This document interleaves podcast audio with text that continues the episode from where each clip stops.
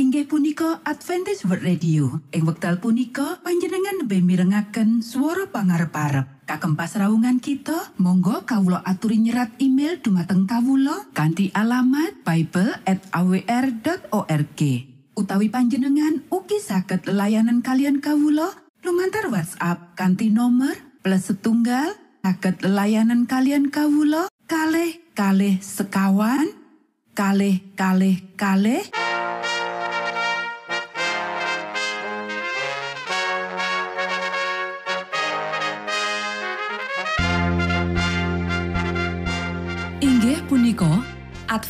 Adventist World Radio ingkang giaran kanthi basa Jawi. Tentrem rahayu kula aturaken kagem para mitra kinasih ing pundi papan lan panggonan. Sugeng pepanggian malih kalian Adventist World Radio. Kanthi bingahing manah Kulo badhe sesarengan kalian para mitra kinasih lumantar saperangan adicara ingkang sampun rinonci mligi kagem panjenengan sami. Mugi giaran punika saged migunani tuwin dados berkah kagem kita sedaya. Sugeng midhangetaken Gusti amberkahi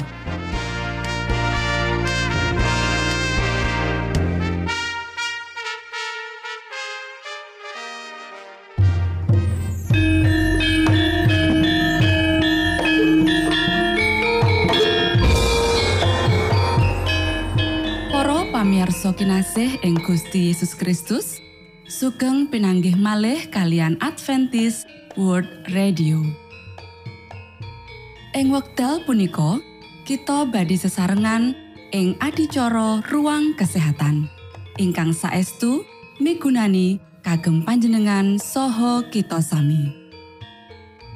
Tips utawi pitedah ingkang dipun aturaken ing program punika tetales dawuhipun Gusti ingkang dipunnyatakaken ing kitab suci. Semanten ugi sakehing seratan ingkang dipun wangsitaken dening Gusti Allah.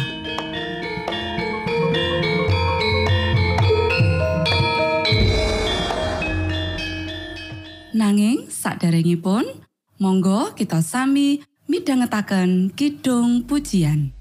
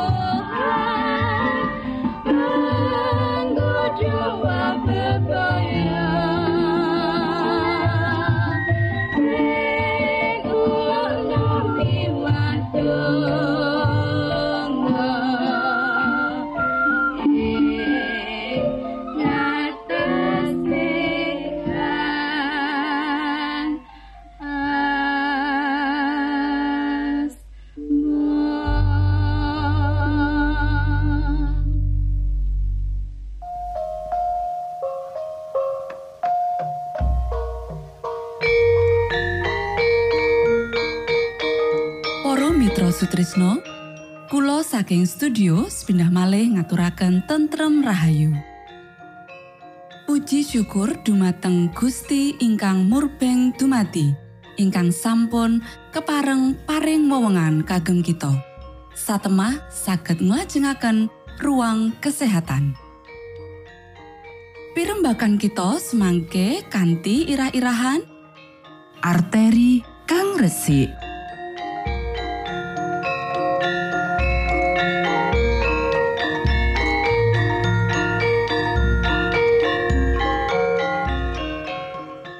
Dumateng para pamiarsa kakung saha putri ingkang dahat kinurmatan.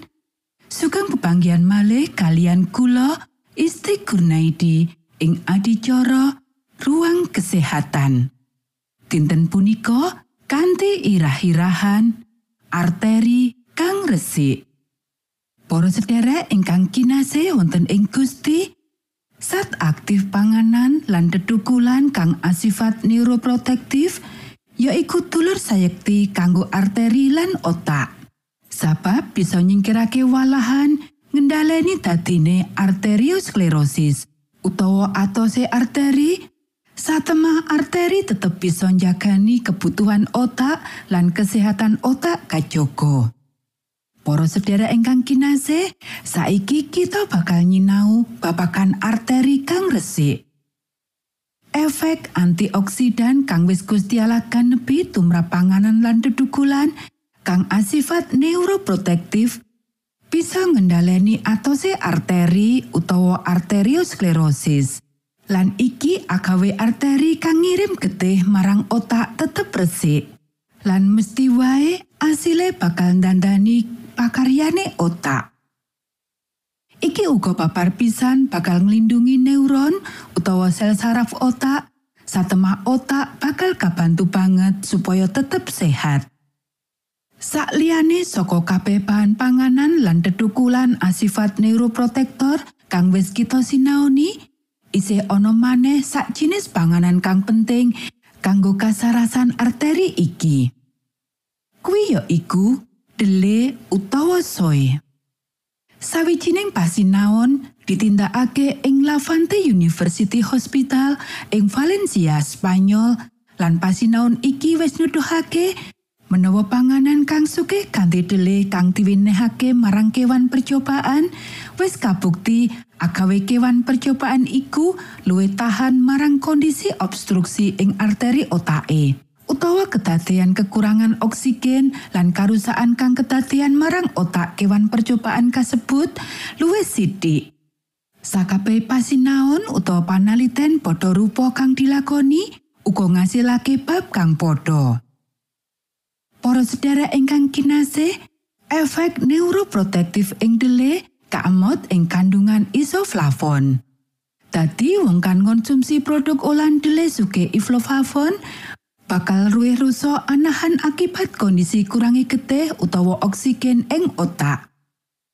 Jinis panganan kang suke isoflavon ya iku ing sari dele utawa kerep kasebut susu dele. Uga produk tahu, becik kang kaolah dadi panganan kang kasebut teksturai soy protein. Kondisi kedadeani trombosis lan emboli ing otak iki kerep kasebut cerebrovascular accident uga kondisi atose arteri utawa arteriosklerosis kang gandeng jenenge karo tambahi umur ndadekake panyebab utama saka kurangi utawa malah mandeke kanggo sawetara wektu aliran getih menyang otak. Para sedherek ingkang kinasih, kita mesthekake milih lan nguripake jroning patinani kita konsumsi panganan kang asifat neuroprotektif kaya dene kang Gusti Allah wis cawesake lan wis dimangerteni hasile lan disinaoni menungso. Kabeh mau diemorake karo kabeh elemen pola urip sehat mesti bakal diberkahi Gusti Allah. Matur nuwun, Gusti yang berkahi.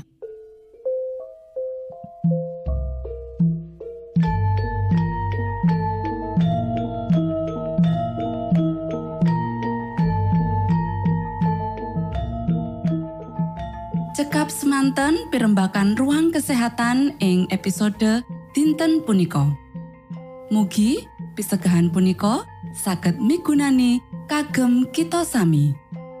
Ugi sampun kuatos jalaran kita badhe pinanggih malih ing episode sak lajengipun.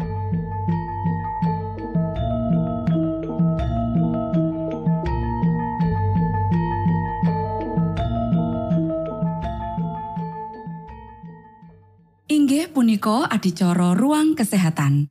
Menawi panjenengan gadah pitakenan utawi ngersakaken katerangan ingkang langkung, Monggo Kulo aturi Kinton email dateng alamat ejcawr@ gmail.com utawi lumantar WhatsApp kanti nomor 025 pitu 00 songo songo papat 00 pitu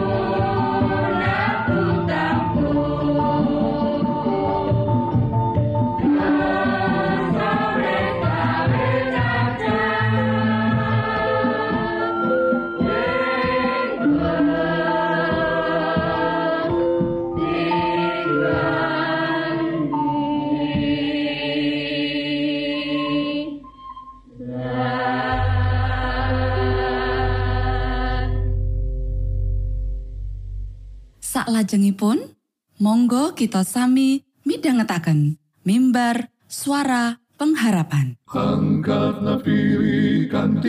pawarto Sang Kristus paderamu Pro umat samyo puji asmanyo Sang Kristus paderamu Inggih punika mimbar suara pengharapan. Ing episode punika kanthi irah-irahan Misi Gusti Allah kanggo kita. sugeng midhangetaken. Tondo Sang Kristus paderamu Ilmu kawero tambah tambah Sang Kristus paderamu Paderamu Paderamu Sang Kristus paderamu Shalom para pamirsa ingkang kinasih wonten ing Gusti. Sakmenika kita badhe midhangetaken renungan Sabda pangantikanipun Gusti. Ing dinten punika kanthi irah-irahan misi Gusti Allah kanggo kita. Para sedherek ingkang kinasih, Sabda pangantikanipun Gusti wonten ing kitab Purwaning Tumati pasal telu ayat songo inggih menika Nanging Sang Yehuwah Allah tumuli nimbali marang manungsa pangantikane. Sira ana ngendi? Para sedherek ingkang kinasih, wiwit ing wiwitane lan tujuan saka misi iki mung ana ing Gusti Allah piyambak. Misi iki ora kawiwit saka patimbalane Romo Abram utawa saka prastawa ing kitab pangentasan Babagan iki uga ora mung kawiwitan nalika Gusti Yesus jumeneng ing jagat iki, utawa ing lelakone para rasul. Misi iki kawiwitan saka Gusti Allah piyambak. Nalika Gusti Allah nitahake jagat proyo iki, banjur manungsa karipta uga. Para sedherek ingkang kinasih, ing kitab suci kita mirsa menawa Gusti Allah nemoh gayuh lan ngersakake bebarengan karo putra-putrine. Saka wiwit ing wiwitane, Gusti Allah mangun sesrawungan kanthi rumaket marang Bapak Adam lan Ibu Kawa. Malah, sakwise donya iki dawah ing tusa, Gusti Allah tansah netepi ing misinipun, nanging saiki misinipun Gusti Allah ya kuwi arep bangun sesrawungan marang manungsa. Ing pungkasane misi Gusti Allah iku bakal kaleksanan. Kita bisa maca ing kitab Wahyu pasal selikur lan lurikur. Mula saka iku, kita kudune katereng ing sajroning pakaryan gawe nyebarno kitab Injil kang langgeng menggaing jagat iki. Wahyu pasal 14 ayat 6 lan pitu. Para sedherek ingkang kinasih, awit saka iku, landesan angger-angger saka sakabeh rekodayane misi, punjere ana ing sesrawungan marang Allah lan duweni pangerten kang bener babagan sifat lan karakter saka misi kuwi. Nanging yen kita durung paham bab kuwi, aluwung luwih becik. Kita memahami Gusti Allah sing kagungan misi. Para sedherek ingkang kinasih, Gusti Allah nitahake kita persis karo gambar lan pasuryane. Gusti Allah uga maringi jagat kang sampurno maksud lang tujuan supaya urip kita tansah rumaket lan sesrawungan marang Gusti Allah kanthi sampurno uga. Satunggali sesrawungan kang punjere ana ing patrape Gusti Allah kang aji, yaiku katresnan. Nanging supaya katresnan iku nyata, Gusti Allah uga paring samubarang liyane kang aji, yaiku kamartikan. yaiku martika milih dalan kang bakal dituruti. Samestine wae, Gusti Allah uga paring paugeran marang Popo Adam lan Ibu Kawa babakan bebaya lan konsekuensi kang gegirisi saka tumindak ora bangun miturut. Kita bisa maca ing Purwaning Tumati pasal loro ayat 16 lan pitulas. Banjur kanthi culik, iblis nggodha ibu kawa menawa piyambake bisa nedha woh saka wit pangaruhing becik lan ala tanpa akibat kang olo. Malah iblis ujar menawa piyambake bakal padha kaya Gusti Allah. Samangsa sampeyan nedhawahipun wit punika, sampeyan badhe kaparingan awasing paningal temah dados sami kalian Gusti Allah. Purwaning tumati pasal telu ayat 5. Nanging eman banget, ibu kowo kabijo lan nuruti karepe iblis. Banjur nyaosake marang Popo Adam kang sanyata gawe pilihan kang padha. Tumitah kang endah lan sampurno iki saiki wis rusak merga dosa. Prastawa iki wis nguwahi rancangan lan kersani Gusti Allah kang wiwitan kanggo jagat praya kang nembe dititahake iki. Misi keselamatan kang ditetepake sadurunge jagat katitahake saiki kudu dilakoni. Matur nuwun, Gusti amberkahi.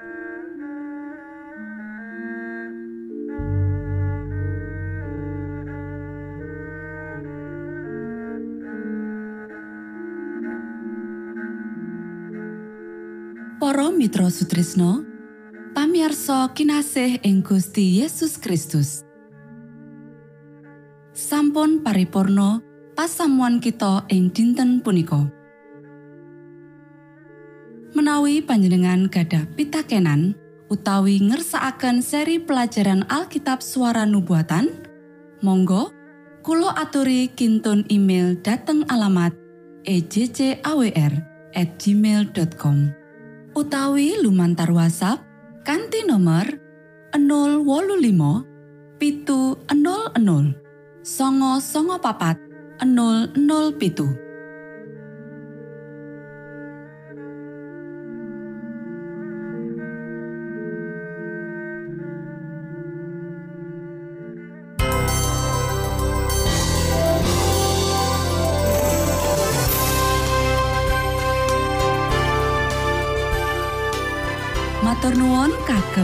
kagem wektalipun kita badhe pinanggih malih ing gelombang ugi wekdal ingkang sami.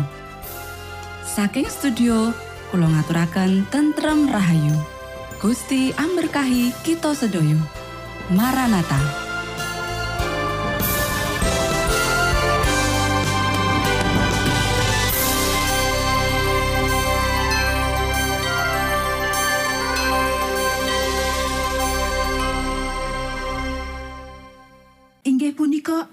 World Radio. Ing wekdal punika panjenengan lebih mirengaken swara pangarep-arep. Kagem pasraungan kita, monggo kawula aturi nyerat email dumateng kawula kanthi alamat bible@awr.org. Utawi panjenengan ugi saged layanan kalian kawula lumantar WhatsApp kanthi nomor plus setunggal saged layanan kalian kawula kalih kalih sekawan kalih kalih kalih